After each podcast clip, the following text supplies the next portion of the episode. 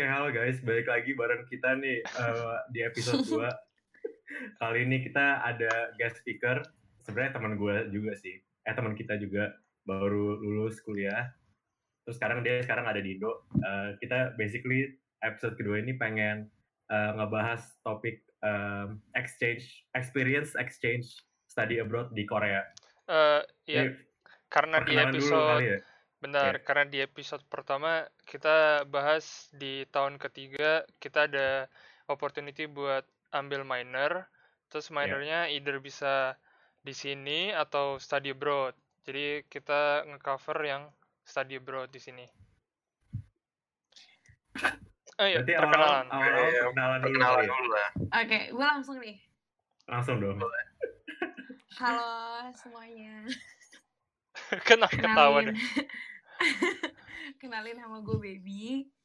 Eh, gue fresh graduate dari eh, I- eh, dari Fontys University. Gue ngambil IT business. Eh, iya benar apa yang udah dikasih tahu sebelumnya bahwa gue ngambil exchange di Korea, di South Korea. Em, dan sekarang gue kesibukannya ya lagi refreshing aja sih, mau sebulan dua bulan sebelum nyari kerja, gitu. Jadi ambil ini eh, minor study abroad di Korea. Iya betul. Oke, Eh, pertanyaan tadi- pertama. tadi- Dan Dennis, tadi lu pertama bilang Pak exchange, sekarang minor. Lu lurusin dulu lah ini ntar yang denger bingung. Iya, intinya dia ambil minor eh, yang intinya keluar dari Belanda lah. Ya study abroad kan. Bukan gitu anjing. Minornya baby itu, minornya minor yang diambil itu study abroad, which is si baby ini study abroadnya ke. Korea. Eh, gitu. gue bilang study abroad, bener gak sih? Iya, ya udahlah. Ini cut aja anjing. Baru awal-awal anjing jelek Ya udah. Ya udah.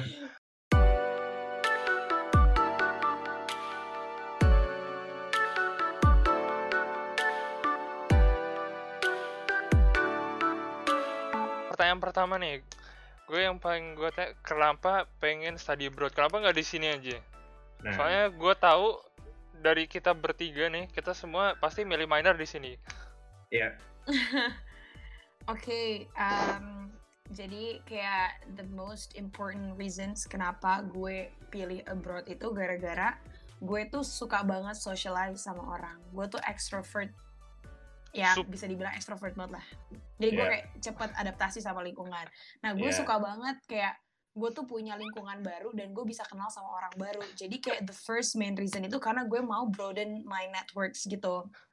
Bukan berarti kayak gue ngambil minor di Belanda itu gue nggak bisa broaden my connections, tapi kan ruang lingkupnya bakalan di situ-situ aja kan. Karena kalau minor di Belanda tuh gue akan ngambil di Fontis-Fontis juga. Nah, nah that's why kenapa gue ngambil di abroad dan gue kayak memberanikan diri untuk ngambil itu tuh padahal gue nggak tahu nih siapa yang bakal ngambil either itu dari Dutch stream atau dari English stream atau dari mana pun gue nggak tahu jadi gue kayak try to go out from my comfort zone and then just go for it Ini nge-imply bahwa kita bertiga introvert. Kita pilih di sini semua anjir. Eh, si Patrick sebenarnya mau keluar, tapi itu ada nggak usah dibahas, itu nggak usah dibahas itu nggak usah dibahas. Nggak usah dibahas, nggak usah dibahas. Eh, Tapi coba- ada alasan spesifik nggak Beb? Kenapa ke Korea? Kan bisa ke negara Apa? lain. Oke, jadi sebenarnya ya, uh, to be honest, gue tuh pengen banget tuh ke Jepang. Nah, jadi tuh kayak Oh, sebenarnya first first choice gue itu tuh waktu itu tuh ke Jepang. Dan Iya. gue tuh ngambil tiga-tiga choicesnya tuh ke Jepang. Nah, terus habis itu gue tuh kayak udah pede aja gitu kan. Jadilah ya masa gue gak keterima gitu kan ke Jepang. Pasti orang orang-orang Eropa nih dikit nih yang mau keluar dari Eropa kan. Nah, habis itu ya udah akhirnya kan kita disuruh nge-submit cover letter dan lain-lain kan, di mana lo kayak Cover letter ke kuliahnya, eh ke sorry university. sorry iya kayak motivation letter gitu jadi Iya. kayak ke enggak ke Fontis jadi kayak Oh, kenapa ke lo Fontis. mau kenapa lo pengen kuliah di Jepang kayak apa strong pointnya kayak gitu-gitu deh kenapa kita harus milih lo dan lain-lain. Dan gue kira itu cuma formalitas. Ya udah dong kayak di first round itu gue bikin cover apa gue bikin motivation letternya tuh kayak yaudah gue nyari di Google kayak alasan-alasan bla bla bla. Gue nggak begitu kayak put my efforts on Tunggu, that tunggu, gitu tunggu, karena tunggu, gue tunggu. Lu Gua- nyari alasannya, lu nyari alasannya dari Google. gue iya jadi kayak lu tau gak sih kayak misalnya kayak iya gue seneng kayak- Naruto gue sering nonton One Piece Kan Kayaknya- formalitas doang. enggak kira. pokoknya iya gue kira tuh formalitas doang ngerti gak sih jadi Iya kayak sih. gue maksudnya kayak apa sih kayak perks of studying in Japan Oh, gitu Eh, tapi- oke. ngerti gak sih tapi ini dicek sama universitas Jepangnya atau cuma dari pihak Enggak, enggak, eh, cuma departemen Fontis Fontis? aja. oh cuma dari Fontis Nah, gue kira kan kayak ya udahlah cuma gitu doang Iya formalitas ya siapa sih yang mau ke luar Eropa? Maksudnya kan jarang kan orang Belanda, pasti dia kayak milihnya di Belanda-Belanda lagi. Nah, Iya. terus ternyata eh, kayak eh, uh, when I got the results back, ternyata gue nggak keterima. Terus gue bingung dong, hah kenapa gue bisa nggak terima nih? Gue gue gue terus langsung kayak nanya kan ke ke mana ke inter apa ke minor coordinatornya. Terus dia bilang gini ternyata yang milih ke Jepang tuh banyak banget. Banyak banget. Jadinya mereka sampai harus ngegrading Eh, uh, motivation letter kita yang kita submit. Kalau gue dan boleh tanya kalau gue boleh tanya eh, waktu itu lu ingat gak alasan lu di motivation letter lu yang paling mencolok? Lu pilih apa waktu itu? Kayak alasan lu kenapa ke Jepang? Uh, waktu itu kenapa gue uh, uh, yang paling mencolok ya alasan kenapa gue milih Iya. Jepang itu gara-gara gue emang dari dulu pengen banget ke Jepang kayak gue tuh kayak amazed banget sama kayak culture-nya mereka cara mereka hidup bagaimana kayak lifestyle gitu-gitu kayak kayak completely different gitu loh Iya. dan juga sama kulit kuliner ya kayak gue suka Iya. banget yang namanya kuliner jadi gue pengen banget yang namanya nyobain sushi atau ramen yang legit di Jepang jadi Iya. kayak ya pokoknya tentang hal kayak lebih ke culture-nya ke culture-nya mereka lah yang gue kayak bener-bener pengen masukin gitu nah terus ya udah kan akhirnya dia ngasih tahu nih kalau nggak salah nilai gue waktu itu nilai motivation letter gue tuh tujuh setengah. Oh, Nah, bagus terus- dong. Tinggi dong. Ya oke tapi mereka ngambilnya yang grade-nya 9 what Ah, ini yang Oke. dianggap sembilan ini yang kayak gimana? Yang kayak nyelamatin Konoha? What the fuck bro? Itu mah- mau gue udah bagus sih. Alasan orang ke Jepang ya gue tertarik sama culture make sense. Gue tertarik sama foodnya make sense social life make sense aja. Gue kepo orang yang dapat sembilan dia ngomong apaan anjir gue nggak ngerti tapi mungkin mereka kayak yang ngebullshit something yang kayak lebih nge-convince orang-orang aja kayak oh nih orang emang bener-bener pengen ke Jepang kayak gitu loh ngerti gak sih mungkin kayak lifestyle dan lain-lain tuh kayak kayak general Tuh, iya, tuh, general iya. topik atau kayak too mainstream gitu loh kayak Iya ya sih. iyalah siapa sih yang nggak mau tahu culture dari negara lain kayak gitu lah mungkin ya gue juga gue nggak nanya sampai sana gue kayak ya udahlah Iya. gue nggak terima terus, akhirnya ya. di, di second round kita bisa masih bisa submit nih kayak oh nih di second round ini masih ada universitas yang tersisa jadi masih ada kayak free seats yang kita masih bisa masih bisa apply gitu kan Ini ini Jepang juga kan? Eh, enggak second round ini Jepang ini udah habis Oh, udah Jepang udah habis oke. pilihannya udah habis di first round ini udah udah udah habis Jepang Iya. akhirnya di second round ini tuh Iya. masih ada Korea Austria dan lain-lain lah pokoknya negara-negara lain nah terus Iya. gue kayak itulah gue gue nih gue nggak mau di Eropa lagi. Sebenarnya kayak teman-teman gue teman-teman dekat gue di kampus itu pada ngambil ke Austria. Nah gue Iya. kayak yalah ngapain sih di Eropa Eropa lagi? Paling gitu-gitu doang gitu kan. Yaudah gue emang pengen banget kayak keluar Eropa. Jadi yaudah gue submit ke Korea. Padahal gue nggak nggak nggak pernah kayak tertarik sama Korea cuy. Kayak nggak tahu ya mungkin karena gue bukan K-popers atau apa pun. Jadi gue tuh kayak sama Korea tuh kayak biasa aja. Tapi Iya. gitu loh. tapi bukannya kayak- Korea punya kayak ini ya similar culture in terms of food gitu kayak sushi ramen atau enggak ya Beda sih, Dan. beda beda Beda sih. Ah, di rumah Beda. mulu sih. mungkin dia dia dia punya dia uh, mungkin kesamaan culture-nya mungkin karena Korea juga punya kayak uh, rich culture-nya gitu kayak Jepang kayak dia kan masih kayak banyak-banyak kayak kastil gitu-gitu dan Is- terus ya makanannya ya kalau makanan sih completely different ya karena Korea kan lu apa sih kimchi bibimbap itu kan jauh Itu ya dari enak sushi juga sih sebenarnya. Iya, maksudnya di sana juga legit gitu, enak. Iya. Tapi maksudnya gue emang gak ada interest aja gitu ke Hmm. Korea. Itu kayak personal preference aja gitu. oke Tapi oke. sekarang udah tapi sekarang udah lulus bisa lah ke Jepang kan lagi lagi break juga nih. Iya, I Ah, tapi sekarang lagi corona, lagi corona lupa deh. Iya, makanya rada rada susah juga kan. Nah yaudah, akhirnya gue apply lah ke Korea. Gue niatin nih bikin motivation letter gitu kan. Iya, iya. Ya udah gue apply. Akhirnya gue dapet di Korea. Terus gue kayak gue mikir kan, aduh ambil Korea. Soalnya waktu itu gue sempat ditawarin gue sempat Iya. mikir sih gue masih sempat gambling Korea apa Austria nih soalnya teman-teman gue di Austria kalau misalnya gue Korea gue bener-bener sendiri nih teman-teman gue nggak ada yang ikut jadi gue kayak bener-bener sendirian lah dari dari Fontis dari orang-orang yang gue kenal kan Hmm. terus gue kayak mikir aja lah ambil aja Korea tuh udah dapet kesempatan kenapa enggak gitu kan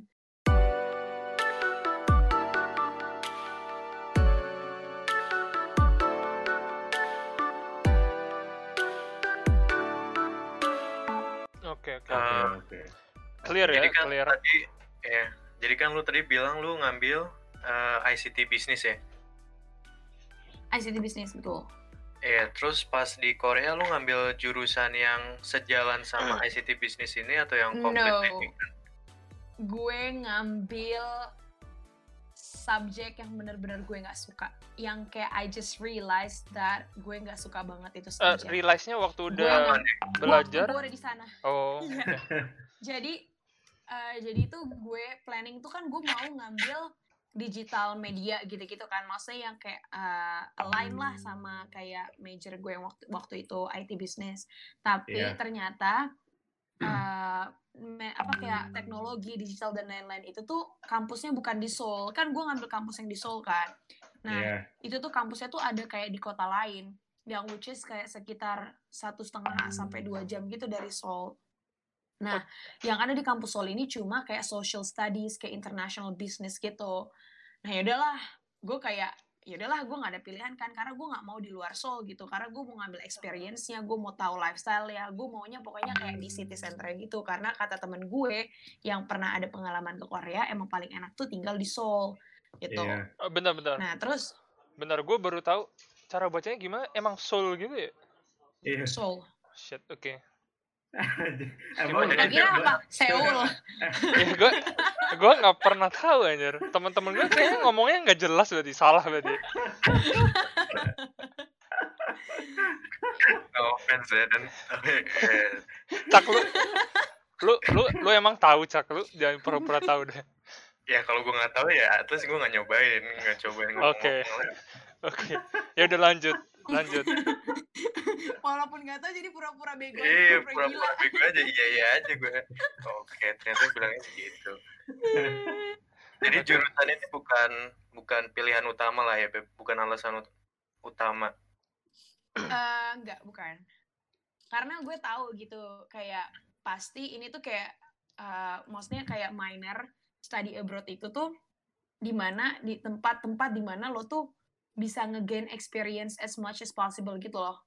Iya. Dan di Fontis itu mereka tidak merequire, gue nggak tahu ya di di jurusan lain, tapi di IT eh, dia tidak merequire lo harus punya, eh, lo harus ngambil jurusan yang sejalan sama jurusan lo karena di minor ini di, di saat di mana lo tuh bisa kayak belajar hal-hal yang lain di luar jurusan lo, kayak gitu kalau di IT ya. Jadi Oh. makanya kayak, mm-mm, jadi kayak ya udah jurusan itu bukan kayak main points kenapa gue ke Korea atau kenapa gue pilih that university. Kalau Jadi- kerja kenapa, Iya. Pet? Nggak, jurusannya apa? Indian gue masih Kita Eh, jurusannya jurusannya jurusannya tuh social studies eh, lebih ke international business gitu deh jadi kayak gue belajar sejarah gue belajar kayak em, apa sih kayak eh, sejarah Indo eh sorry sejarah Jepang Jepang Cina Korea Amerika kayak gitu-gitu terus gue Hmm. belajar juga turi- tourism management gue belajar culture juga Asian culture gitu-gitu Gue tadi jadi dengar, lebih ke social studies ya gue tadi itu dengar. lumayan susah juga ya maksud gue susah susah buat susah. buat minor doang kayak topiknya deep juga ya Eh, gue tadi Susah. gue setiap gue tadi dengarnya kayak media planning, media planning tadi apa ya?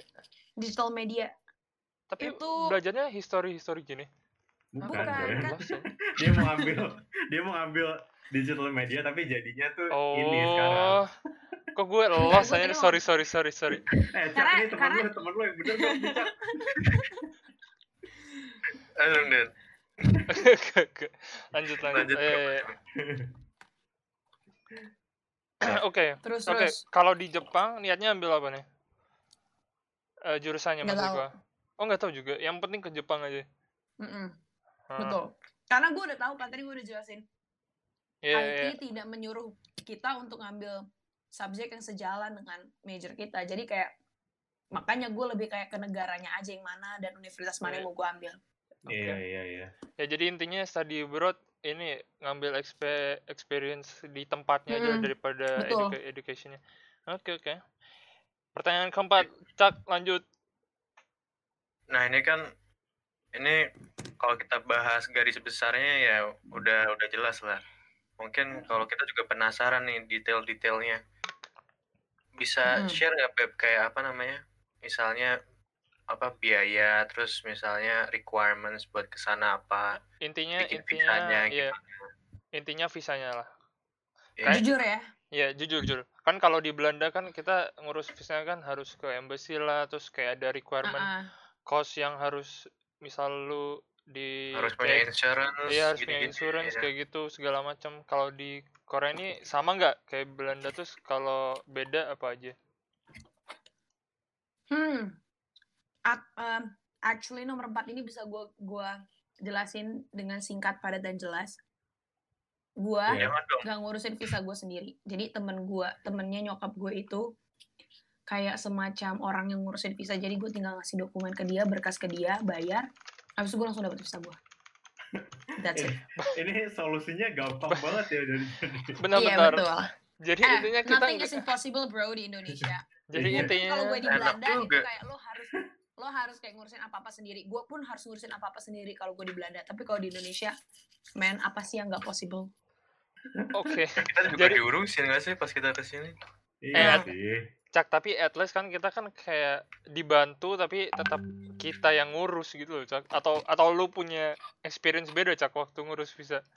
Sama aja sih, iya sih ribet-ribet juga dikacangin sama agensinya. Kerja lama nih.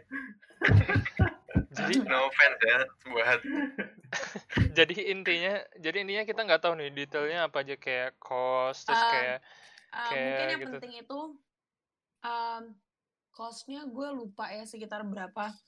Cuma yang penting itu mereka sangat membutuhkan kayak admission letter sama mereka tuh kayak punya form gitu dari Koreanya yang apa namanya yang kita harus isi dan itu benar-benar menunjukkan menjelaskan bahwa kita itu sudah keterima di universitas di Korea dan itu bisa dan dengan dan dengan punya admission letter itu kita bisa buat visa. Tapi lu Itu keterima lu keterima di University Koreanya itu lu nggak harus tes apa-apa kan? Um, IELTS Hmm. mungkin atau enggak. IELTS enggak. Kan kita kan udah pakai English kan di Belanda.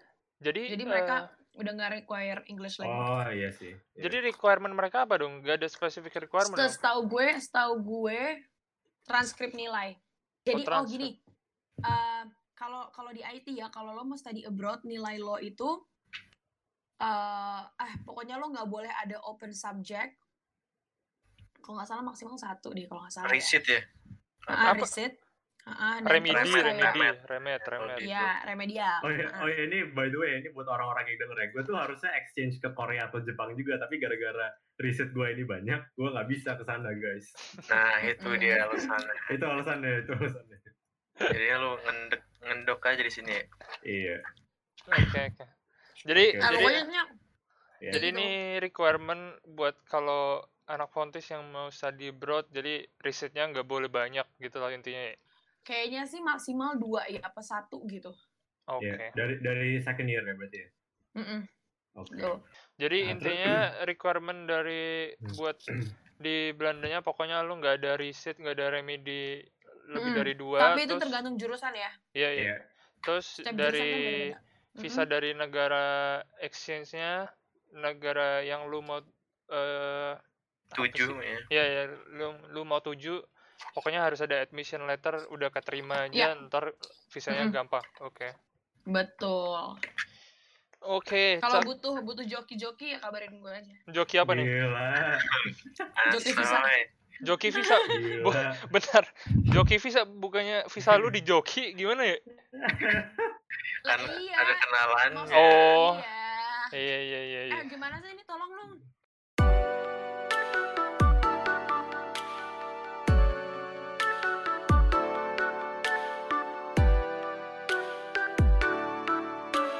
Pertanyaan kelima. Cak.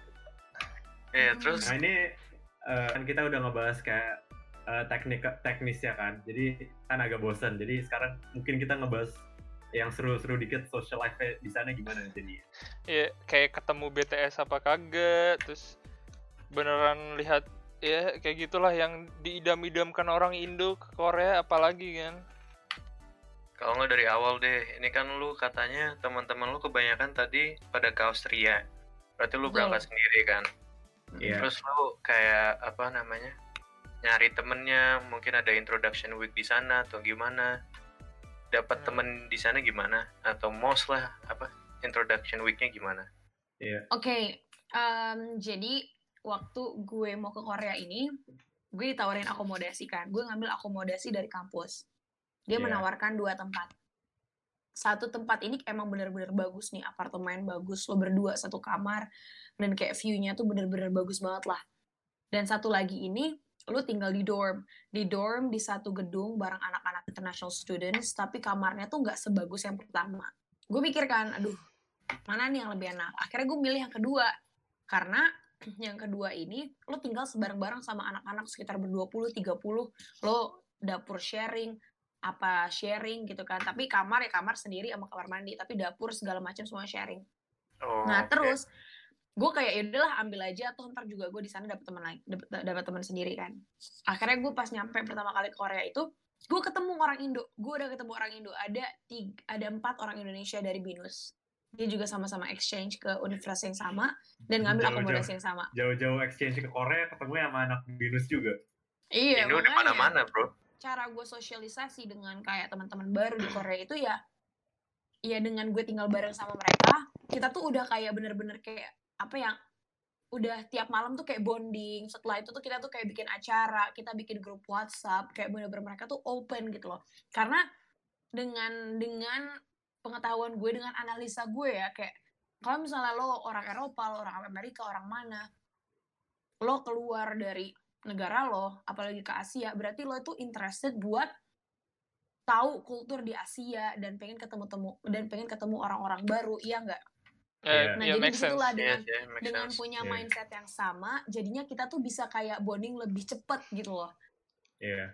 walaupun sense gue ketemu walaupun gue ketemu banyak orang Belanda nih ya di di Korea tapi tuh mereka tuh bener-bener kayak open banget. Mereka tuh bahkan tuh kayak nggak mau gitu loh kayak main sama kayak komplotannya mereka lagi gitu. Mereka pengen main sama orang baru karena kayak kayak itulah tujuannya kenapa kita mau study abroad gitu Oh, jadi mostly bonding lu nih terjadinya di dorm lu ya?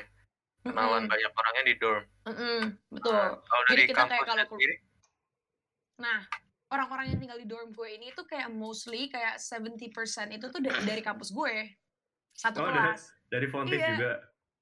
ah bukan Bukan, bukan dari- Oh, di oh Korea. di Koreanya. Oh, Oke, iya, iya. Ah, di Iya. Korea. Jadi kita ke kampus bareng, ikut mos bareng, ikut kayak ya introduction week bareng, apa-apa semua bareng.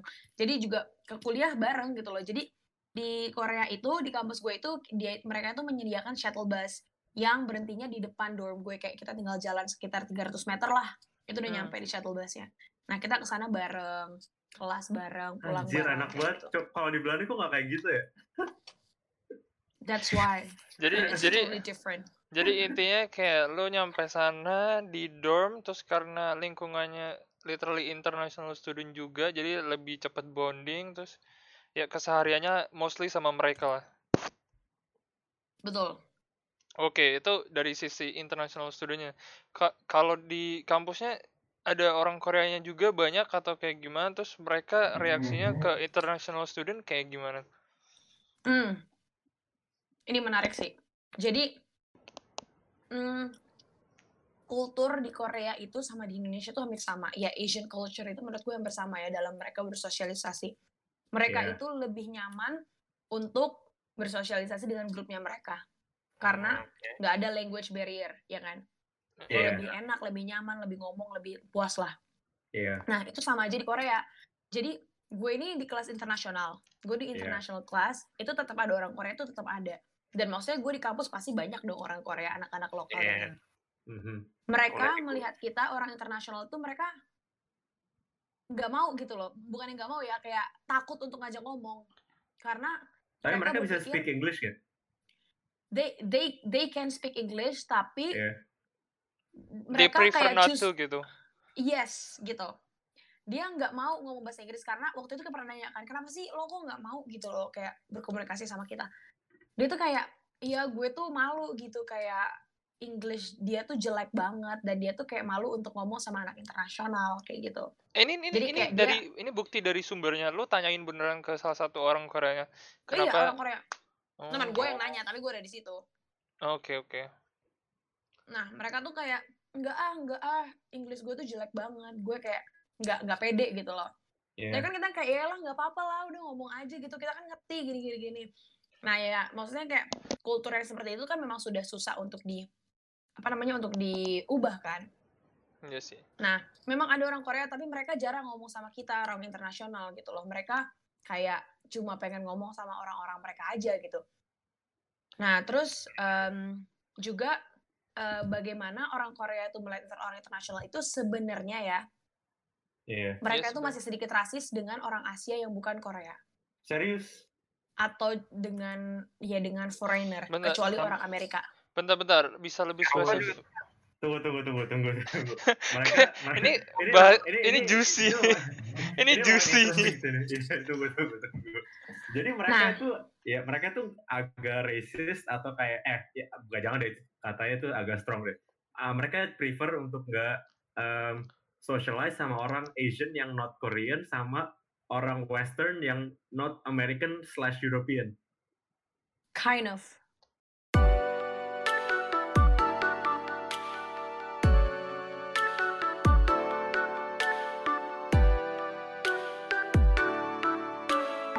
Ka- What? Bentar, bentar, bentar. Tapi Gua nggak mau- bukan kayak Iya, iya, terus terus gimana gimana? gue nggak mau menyetir kayak conversation ini kayak un- biar orang-orang tuh punya pemikiran oh orang Korea ini rasis. Enggak, enggak semua. Tapi maksudnya gini, kita sadar dengan cara mereka memandang kita. Dan gue pernah ada kayak apa namanya kayak kejadian asli ya, kejadian langsung itu eh di saat kita nih ya, kita kita orang foreigner, kita kayak ke, kehilangan jalan nih kan, kita mau nanya jalan. Mereka Iya. tuh yang kayak eh gue nggak mau ngasih tau gitu. Kayak lo nanya aja sama orang Eh, lain. eh, eh, bentar-bentar. Gua nggak mau bias, gua And nggak mau apa. They gave you that look gitu loh. Oh. Gue pengen lebih detail. Jadi ceritain lu waktu itu eh, nggak tahu jalan, terus lu tanya nih ke orang Korea asli, Hmm. bener? Tapi Tuh. lebih ke Masih Mhm. inget nggak orangnya kayak cowok, cewek, terus muda, tua atau gimana? Terus lagi di mana? masih muda. Eh, kayak muda. seumuran kita kayak gitu. Hmm, iya, Cowok, cewek? mahasiswa. Waktu itu cowok. Oke, Itu- terus terus lu tanya gimana nih? Tanya gimana? Iya, kayak kita nanya jalan kan. Ini ke mana? Terus dia tuh yang kayak dia Diem. nggak ngomong bahasa Inggris, dia diem. Terus dia, Oh. dia kayak he gave you that look, habis itu dia cabut. Dia bentar-bentar, dia Hah? literally cabut. iya, Bentar. without saying anything. Terus from that moment akhirnya lu kayak nge-conclude bahwa mereka agak apa nih? Enggak. Kayak reluctant to dengan foreigners. dengan cara mereka memperlakukan kita dengan dibandingkan dengan mereka yang memperlakukan orang Amerika itu sangat berbeda Wah, Oh, karena gue baru tahu ini. Am- Americans itu part of their history gitu loh ngerti nggak? Emang emang iya ya? bentar, Ah. mereka dijajah Amerika. Bentar, Gua- gue coba search Google. Coba lu cari Pokoknya history bro. Tanya Amerika BB itu kayak gue jangan tanya gue, gue juga nggak tahu ini kayak uh, valid belajar history uh, ini resource atau enggak. Jadi setahu gue ya, setahu gue Amerika itu part of their history yang di mana tuh Amerika tuh berperan penting di dalam historinya mereka. Oh gitu. Mm. Jadi kenapa mereka tuh kayak kalau sama orang Amerika tuh kayak oh orang Amerika tuh gini-gini ngerti gak sih kayak baik dan banyak banget ya. gue juga gue juga surprised gara-gara banyak banget orang Amerika yang exchange ke Korea banyak banget Sebanyak itu. ya 20-an lebih lah Jadi- banyak sih. Jadi berdasarkan momen itu, lu mengimply bahwa di momen itu orang Korea ternyata agak reluctant sama foreigners yang bukan nah American slash European atau eh, Asian yang Korean Kalau- juga ya. European gue nggak punya strong points banget sih Iya. tapi gue juga punya ada satu lagi example teman gue ini dia itu mengikuti gereja di Korea gereja Iya. Indonesia gitu Hmm. Nah, terus ada satu oknum ini nih ngomong sama dia. Dan Oknum oknum ini orang udah Indo? tinggal orang in- orang Indonesia dan dia udah tinggal lama di Korea. Iya. Dia bilang gini, kenapa kok pilih exchange ke Korea? Kan orang-orang Korea sini masih rasis. Oh, Wow. dia bentar, dia literally bilang kayak gitu ya. Ya. Oke. Oke. Tapi Jadi kan ke- beberapa oknum doang nggak mungkin iya. Maksud nggak gua semuanya makanya kan Beb.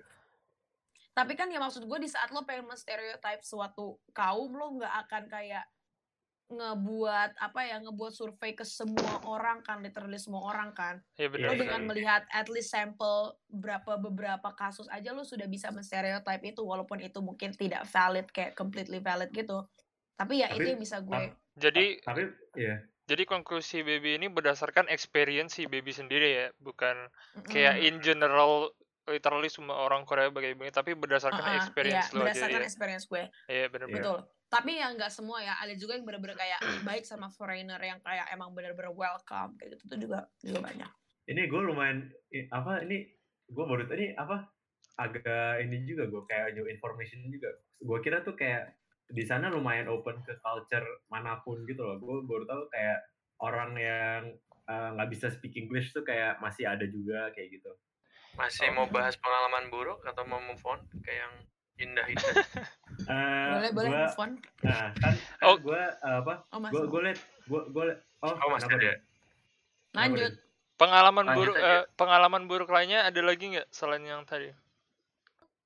oh gue pernah Apa Jadi nih? waktu itu nyokap gue sama abang gue, kan waktu itu keluarga gue ikut ke Korea kan, kayak nganterin gue lah. Nah Iya. terus di center kotanya ini nyokap gue pengen balik kan ke guest house. Oke. Iya. Dan kita kan nggak tahu kan, maksudnya kita baru gitu loh ke Korea, jadi kan ngambil taksi aja kayak even itu dekat tapi kan masuk-masuk ke dalam gang tapi ya udahlah lebih safe naik taksi daripada lo nyasar gitu. Nah akhirnya nyokap sama abang gue tuh udah naik taksi nih. Oh udah naik taksi di tengah-tengah dia diturunin dong dari taksi. Kenapa? iya cuy. Gara-gara katanya ini tuh deket banget destinasinya lo turun sini aja lo jalan the fuck man Terus Ini habis itu ditagihin. ya iyalah dibayar beberapa What the fuck? tapi dia tuh udah baru realize tuh udah di tengah jalan gue kayak what the fuck kenapa nggak lu anterin aja sampai rumah Itu nggak jelas banget sih. Bentar, Hmm, bentar, kayak- bentar. Bukannya I mean, kalau kalau dianterin ntar dia ntar dibayar juga ya? Apa ya salahnya gitu? iya makanya mereka tuh nggak mau Kalau misalnya kalau misalnya supir taksi di Indo mah lu mau jalan berapa meter juga pasti orangnya juga bilang kayak iya langsung aja asal dibayar langsung aja. iya nggak sih logically kan kayak gitu kan? iya, Bentar, ini ini ini gue takutnya karena ini mereka reaction to foreigner atau emang kayak gitu in general atau gimana nih? gue nggak tahu Oke. I'm not sure Wah. Ini lumayan wah kacau juga ya. Jadi sebenarnya kayak social life-nya di situ juga susah juga ya buat foreigner yang especially bukan Americans atau yang bu eh, yang bukan Asian gitulah. dan yang bikin susahnya mungkin kayak it's fine kalau walaupun lo bukan kayak Korean atau lo bukan Americans tapi lo bisa bahasa bisa bahasa Korea itu sangat membantu. Iya, Kadang kalau- soalnya mereka kayak mereka refuse buat ngomong bahasa Inggris kayak kayak mau selu ada nih ya ada mu- mungkin beberapa orang yang kayak mau lu udah kayak sengotot apa lu ngomong bahasa Inggris mereka bakal tetap ba- ba- balas pakai bahasa Korea cuy Oh my god. Terus kalau kita kalau kita nggak bisa Korea gimana nih? ya Ya, ya udah lu pakai bahasa, tubuh aja bahasa tubuh. Eh, ben- ini beneran pakai bahasa tubuh gitu. Kayak ya ya, ya, ke kanan ke kanan gitu, nunjuk-nunjuk kanan. pakai Google Translate bener Oh Google my God. Translate jadi lu nge-Google Translate nih habis itu lu liatin ke dia Oh iya sih, ya oke lah. Tapi yang Gitu. cowok yang lu tanyain jalan tuh literally dia cabut ya? Iya. Waktu itu lu sendiri atau gimana, Beb? Atau banyak Nggak sama rame gitu? gua. Oh, nggak rame banget tapi sama teman-teman gue kayak tiga orang empat orang lah Oke lah. Shit. Jadi social Oke. life sama orang Koreanya sendiri sebenarnya agak susah gitu ya? Mm-mm. Oke lah. tapi kalau Dan- sama teman-teman internasional aman-aman aja kan aman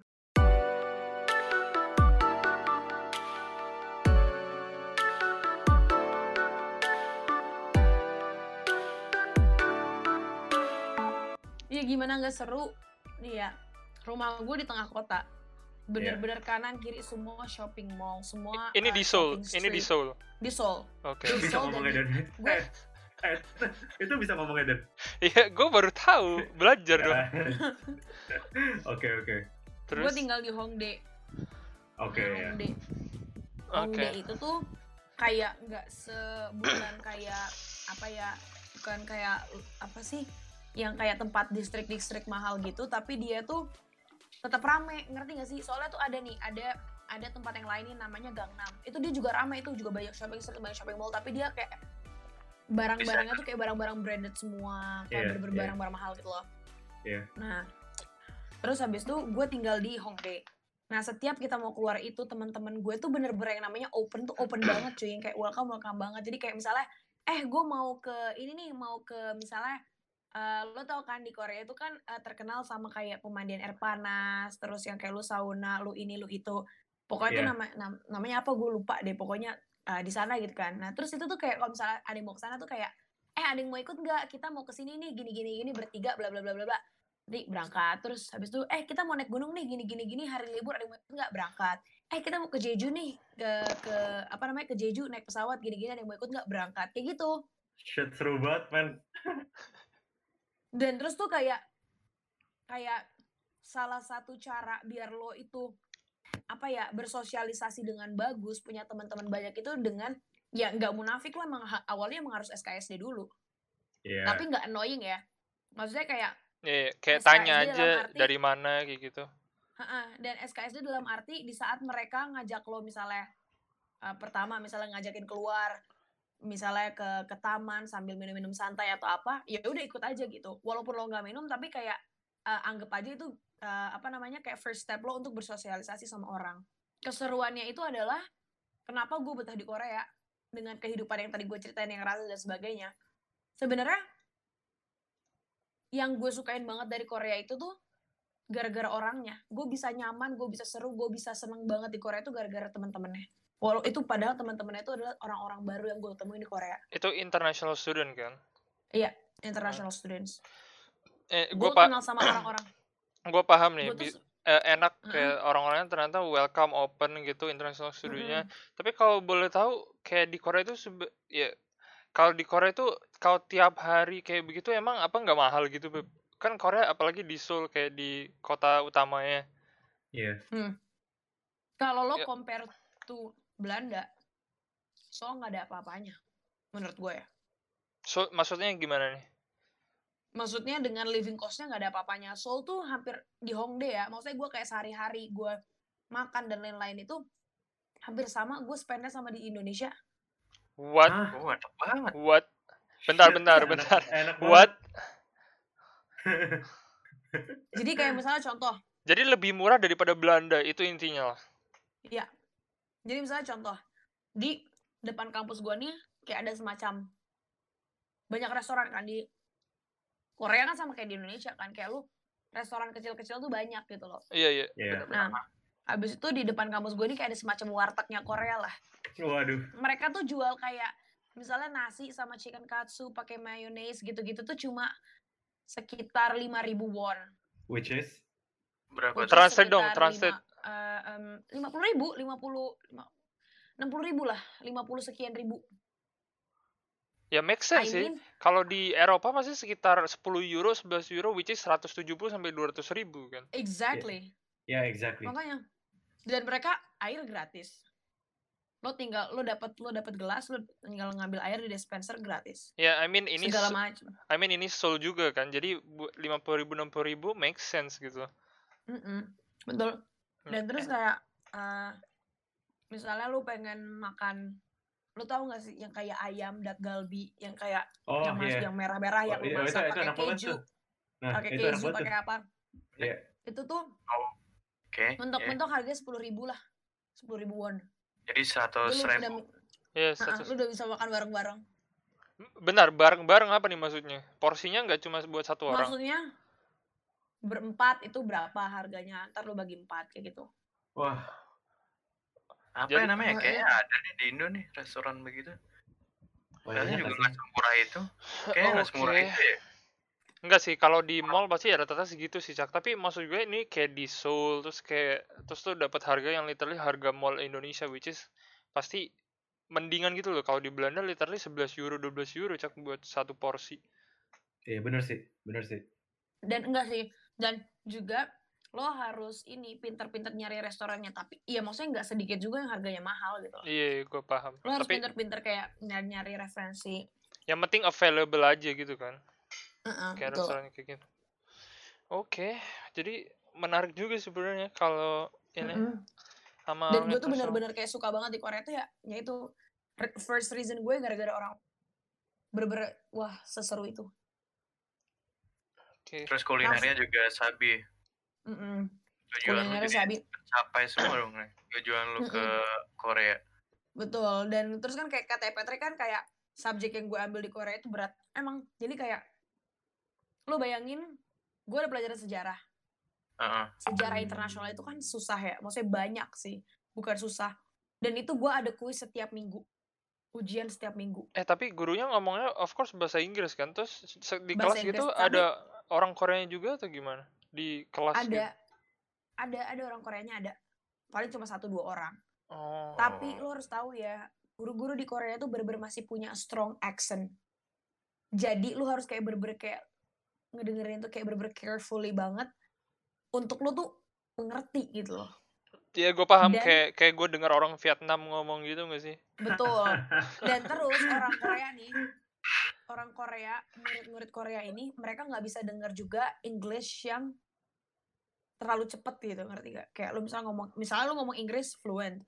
Nah itu mereka tuh harus kayak bener-bener apa sih lu kayak lu ngomong harus di dipelanin. Biar mereka tuh ngerti kayak word by word gitu loh.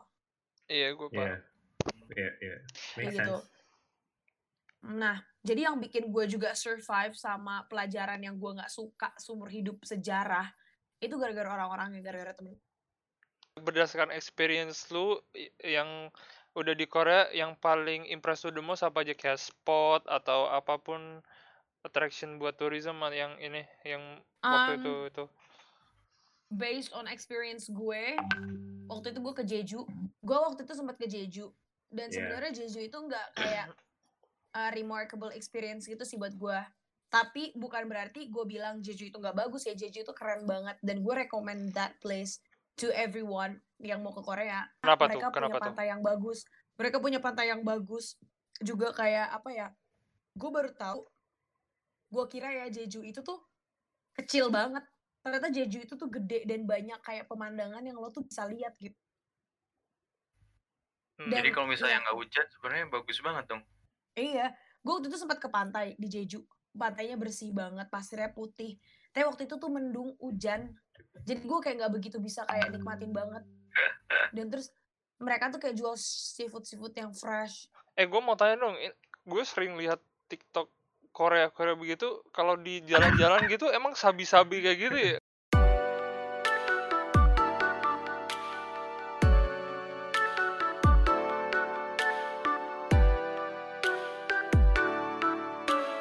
Kayak literally ada artis yang kayak orang Indo pengen lihat kayak gitu sering atau Oke. kagak? gue ngerti jadi waktu gue ke sana TikTok kan belum booming banget ya. Jadi kayak gue nggak Iya. begitu ngerti apa pun yang related dengan TikTok dan orang-orang ngedance di pinggir jalan. Tapi memang benar adanya di Hongdae di shopping street situ lo bisa ketemu jadi tuh orang-orang nih ya dia misal satu komunitas dance itu mereka ngedance di jalanan ada 10 biji 10 beda komunitas mereka ngedance. Beda-beda musiknya beda-beda orang-orang nontonnya juga beda-beda kayak gitu. Ada yang sambil ngamen sambil nyanyi-nyanyi itu bener-bener di jalanan. Lagu dan apa sambil apa namanya sambil ngedance ngedance Korea kayak gitu. Dan itu rame banget. Itu rame banget. Dan kalau misalnya ya di Korea ada artis Korea nih ya. Misalnya lagi ngunjungin coffee shop atau apa. Wah ampun deh jangan lewat jalan itu. Pasti ramenya minta ampun mereka tuh sampai kayak nungguin depan pintunya teriak-teriak apa-apa sampai segitunya. Jadi beneran ada artis Korea di kayak eh, convenient place di tempat lu situ di Seoul? ada. Hmm. Terus lu ikutan gak Beb waktu itu Beb? semua dua orang. Gue nggak tahu itu siapa. Ngapain gue ikutan? Kayaknya lu gue tahu deh. Lu kan ya gue nggak tahu. Gue lihat orang-orang aja beneran. Maksud gue kayak yang diliatin di media yang kayak literally orang-orang attracted banget sama orang-orang Nah. Korea beneran apa enggak? Ternyata Itu beneran. bener. Bener-bener itu bener banget. Kayak mereka tuh sampai tahu kayak oh ini dia ada di sini nih jam segini gini gini gini. Buset. Bahkan teman-teman gue nih yang internasional yang K-popers aja tuh kayak berikutan di crowd itu. Hmm, make sense lah. Terus lu ikutan juga? ya kagak orang gue kagak tahu ya terus kalau yang di street attraction lu ikut ada interaksi atau enggak beb? Kayak sama orang-orang yang di kata lu ngedance atau apa pun itu? Jadi kayak di Korea itu beda sama di Indonesia. Kalau misalnya di Indonesia kayak kita ngedance atau apa ada orang ngedance atau main musik dan lain-lain tuh untuk dapet duit kan lu ngasih sumbangan. Iya, tapi iya. kalau misalnya di Korea kayak they just want to show off their skills gitu loh. Ngerti gak Iya, sih iya gue tau kayak cuma buat have fun.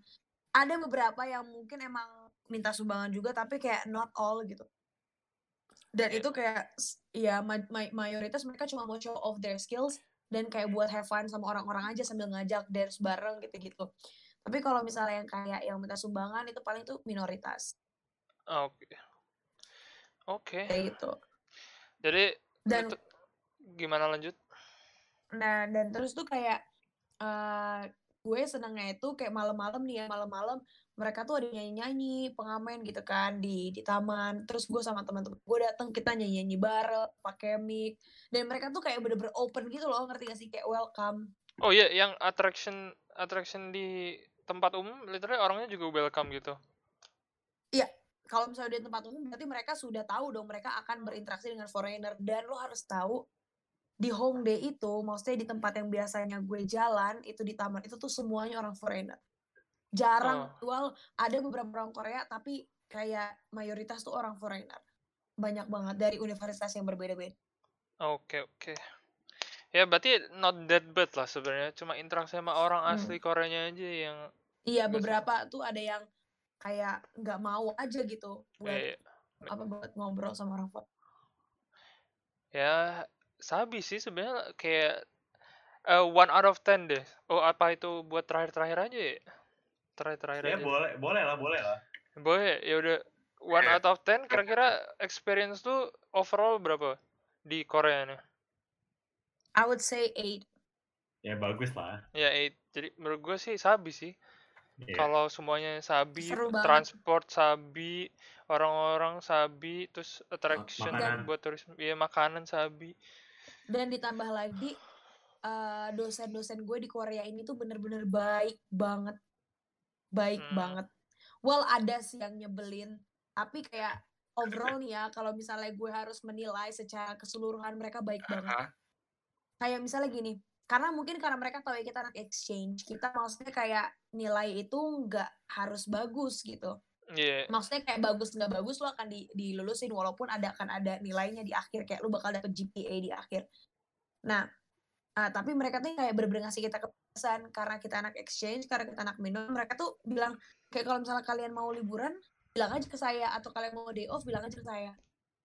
Nanti Wah. saya kasih day off kayak gitu. day off itu apa ya libur kan Iya. oh day libur. day off oh fuck oke Jadi kayak misalnya enggak, tapi enggak keterlaluan ya kayak eh seminggu libur gitu enggak. Misalnya kayak gini, misalnya eh orang tua saya datang nih saya nggak mau kelas dua hari, oh ya udah silakan kayak gitu. Asalkan kamu bisa kayak capek sama sama pelajaran. Nah, Jadi mereka nggak menyusahkan gitu loh, ngerti gak sih? Nggak kayak "Lu harus belajar, harus ini, harus itu. Enggak. Asalkan lo bisa mengikuti pelajaran, lo catch up dengan semuanya, lo bakal baik-baik aja. Anjir enak banget. enak sih Kayaknya itu uh, perfect transition buat kayak last topik yang kita pengen ngebahas which is beda kuliah di Belanda sama di Korea deh. iya dari yang lu rasain deh Iya.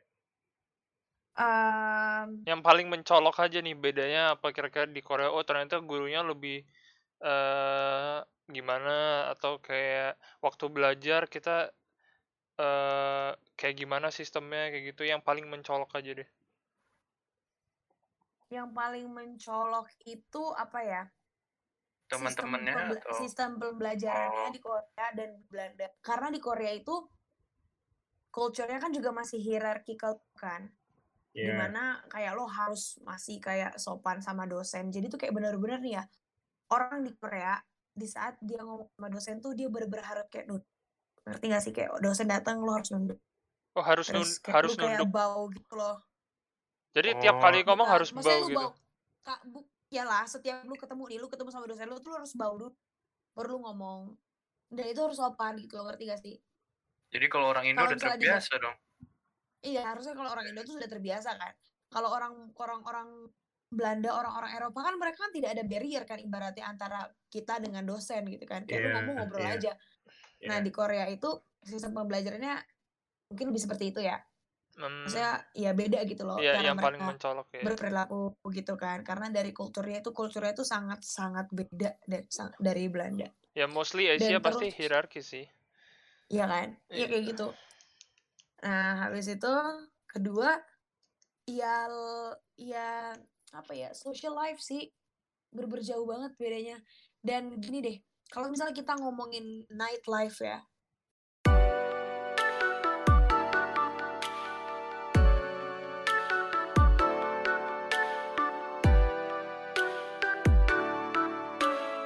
ini Oh, gue ini- nggak apa-apa kan ini ngomongin kayak nih. explicitly Oke. Nah, nightlife di Korea dan di Belanda itu jauh beda. Maksud gue gini, di Belanda yang se, se, se- berdasarkan experience gue ya, di Belanda itu lu ke bar, ke klub, lu nggak nyaman. Kalau gue ya, gue nggak nyaman. Karena mereka lu datang ke sana, lu joget-joget untuk mabok gitu kan. Kalau misalnya di Korea ini, eh, klub-klubnya ini tuh banyak yang internasional. Maksudnya kayak lu lagu Korea juga well known gitu loh. Iya kan? Nah Iya. tapi di Korea ini kalau lu ke bar lu ke klub lu tuh masih bisa kayak quote on quote kayak bonding gitu loh sama teman-teman lo. Lu masih bisa ngobrol lu bisa main. Karena ke di sana tuh lo ada kayak biliarnya di dalam ada dartnya terus lo bisa main eh, main kayak board game gitu-gitu. Jadi nggak kayak apa ya nggak kayak di Belanda tuh lu tuh kayak nggak kalau gue ya gue nggak nyaman gitu mau keluar malam Wah, Dan terus di Korea- ngapain? Iya, menurut Dan- gue itu benar banget sih. Menurut gue itu benar banget. Nah, dan terus juga di Korea apa ya? eh, nggak tahu sih menurut gua kalau lu keluar malam di Korea ini lebih safe, Lebih safe. Maksudnya lebih, lebih safe. Aman maksudnya. Iya Iya, lebih lebih lebih nggak lebih aman takut kriminal gitu. Padahal di Belanda juga Iya. aman deh. Eh, kalau di Belanda, gua nggak tahu sih ya. Mungkin ini udah di mindset gua. Gua kayak pernah dengar kayak cerita-cerita ada ada. Lu tahu nggak sih yang mahasiswa Indonesia yang hampir di, Oh iya gue gua tahu hampir di gue tau gue rape tau. apa hampir diapain gitu kan, yang Gua pulang pagi. Iya. ya kan yang dibuntutin dari belakang. Tapi kalau Iya. di Korea ini kayak based on experience gue yang sangat-sangat berbeda mungkin karena teman-teman gue di Korea ini kayak kita tinggal di satu dorm yang sama. Jadi tuh ya misalnya kita keluar malam nih bareng-bareng. Nah, itu kita pulang tuh juga harus bareng-bareng. Jadi kita nyampe tuh ngelis siapa nih yang belum nyampe kamar gitu kan. Kalau misalnya ada yang nggak jawab nih coba cek kamarnya udah ada belum di kamar. Nanti kalau misalnya belum ada kita cari ke mana kayak gitu. Keren juga teman-teman. sampai sampai segitunya sampai segitunya kayak ah, eh ada nggak yang bawa pulang si ini ini eh tadi dia sama siapa gini gini gini gini kayak gitu jadi bener-bener lo tuh punya apa ya punya rasa kekeluargaan bareng gitu loh sama teman-teman lo kayak lo punya rasa responsibil responsibility atas teman-teman lo juga gitu jadi nggak bener-bener nggak cuma individualis aja Seru Kayak sih, gitu. seru sih, seru seru. seru. kayak gitu sih itu paling kayak hal-hal yang colok yang alamin ya apa kalau dibandingin Korea sama Ya. kayak gitu Ya, jadi, jadi- ada pikiran buat ini nggak beb? Am- apa nanti kerja mungkin suatu saat kayak lu bakal kerja di Korea atau ngelanjutin S2 di Korea? Oke. Kayak tadi gue udah bilang kan, kenapa gue suka tinggal di Korea itu kayak mostly gara-gara orang-orang yang gue tinggal bareng di sana, teman-teman Mhm. gue. Tapi kalau misalnya kayak eh, lifestyle kayak sehari-hari, gue merasa kalau misalnya gue sendiri ya di sana tanpa ada kayak orang-orang yang bener-bener serak sama gue, gue kayaknya enggak deh. Karena ya nggak tahu gue nggak merasa klik aja gitu untuk tinggal di sana. Mungkin kalau misalnya dibandingin sama Belanda, gue lebih milih Belanda untuk ngambil S2 atau kerja.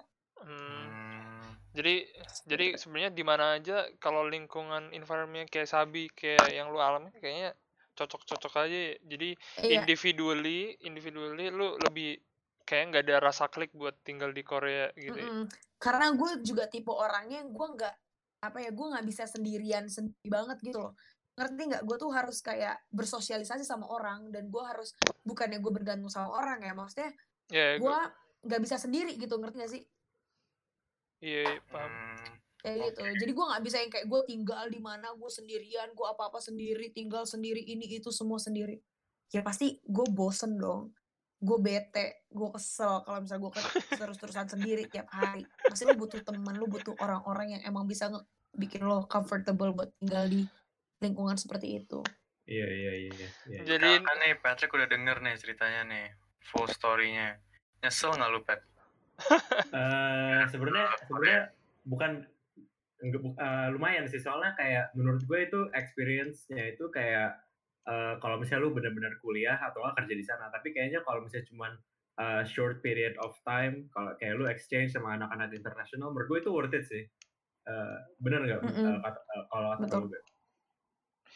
Hmm, tapi gue gue punya interesting question lagi sih kayak kalau misalnya kan tadi kan lu bilang master atau kerja kan tapi kalau misalnya lu bisa kayak go back ke 2016 lu baru lulus eh, SMA terus habis itu lu eh, disuruh pilih lagi nih kayak em, lu mau kuliah di Belanda atau di Korea based on experience yang lu dapetin lu tetap milih Belanda apa gimana? I would still choose Belanda sih Oke. Ya, Oke. karena punya menurut gue Korea beda, itu karena Korea itu menurut gue ya eh, dalam based on experience gue memang itu seru tapi not uh, for a long term for- gitu ya ya not for a long term gitu Ken- Kenapa Cak lu tadi nanya gue apa? lu punya jawaban yang beda. Ya kan tadi gue udah bilang, gue bilang kayak kalau misalnya buat short term, kayak exchange gitu ya, gue pengen. Tapi kayak kalau misalnya buat tinggal di sana atau kerja di sana, gue nggak terlalu pengen sih. Nanti kan? Kayak Jadi gua- lu gua- kalau Mhm. misalnya kuliah tetap masih di Belanda, tetap milih di Belanda. Iya. oke Iya. jadi Oh, kayaknya kita udah nge-cover semua topik deh Iya. jadi konklusinya pokoknya kalau lo mau cari new experiment, hanging out with new friends, apa pun social life baru, study abroad tuh kayak pilihan yang cocok gitu ya, kayak Iya. menarik. betul Tapi tapi kalau secara lu orang yang introvert terus lu kayak lebih individual apa pun sendiri, kayaknya buat ke Korea itu kayak bukan kayak study abroad atau apalagi ke Korea yang interaksi sama orang Koreanya langsung itu agak susah, kayaknya bukan pilihan gitu ya. enggak juga sih gue nggak gue nggak mau mengkonklusikan seperti itu tapi lebih kayak maksudnya walaupun lo introvert bukan berarti lo tidak tidak butuh orang lain kan untuk membroaden networks lo ya Iya, nggak? tapi itu balik lagi ke diri lo sendiri apakah lo mu- mempunyai keinginan untuk memperluas jaringan lo? Apakah lo mempunyai keinginan untuk bersosialisasi dengan banyak orang? Seret. seperti itu. Jadi bukan berarti kayak lo introvert atau lo tidak lo lebih individualis lo nggak cocok untuk study abroad nggak. Tapi itu lebih ke kemauan dari diri lo sendiri menurut lo hal tersebut dibutuhkan atau tidak menurut lo butuh nggak untuk ngebroaden your networks in the apa for your future gitu Seret baby 2020. Oke, oke. Gila, gila. karena ya kita kayak will never know gitu kayak siapa pun yang lo temui di saat sekarang atau di di sebelum sebelumnya pas uh, lo nggak bakal tahu apakah lo butuh orang tersebut lagi atau tidak di kemudian hari ya nggak Ya, jadi, jadi, ya jadi intinya Why di? Korea requirement ya gampang lah, nggak boleh ada remedi. hmm, Eh, eh, keterima universitas gampang lah buat ngurus visa. Makanan sabi, social life sabi, international student sabi, public transport sabi. Ya intinya kayaknya worth a shot lah buat study abroad. betul Oke. betul Anjir, worth a shot. Lo nggak ada sense of support gitu, Cak. Kenapa lo kayak Kan gue support. Oke. Anjing. Kayaknya udah deh. Kayaknya kita udah cover semua deh. Udah nggak ada pertanyaan lagi kan? Yaudah kita udah nge-cover semua. Thank you buat Bibi yang udah mau share pengalamannya nih study abroad di Oke. Korea. Dan buat episode selanjutnya kita ada plan buat bahas tentang eh, pengalaman kerja di Belanda. Tapi kalau Iya, misalnya iya. eh, listener kita nih, anjir, listener kita punya, punya suggestion buat topik atau buat eh, narasumber ya bisa kayak juga eh, kayak lu kepo mau tanya ya kayak lu mau kepo mau tanya kayak kerja di Belanda gimana atau apa pun kayak kita bakal berusaha kayak nyari narasumber yang cocok sama Ya kita topik. masih nge-planning buat nyari narasumber dari Indo nih. Kalau misalnya kalian mau ditanya-tanya ini yang kuliah di Indo bisa juga nge-kontak Iya. kita. Iya, anjir. ya kali aja deh yang kepo kayak ada nggak nih yang ngambil double degree ke Belanda terus universitasnya apa terus requirementnya apa kita mungkin bakal cari topik kayak begitu Iya. Ya. Oke. sekian Oke, see you in the next occasion guys. Bye bye.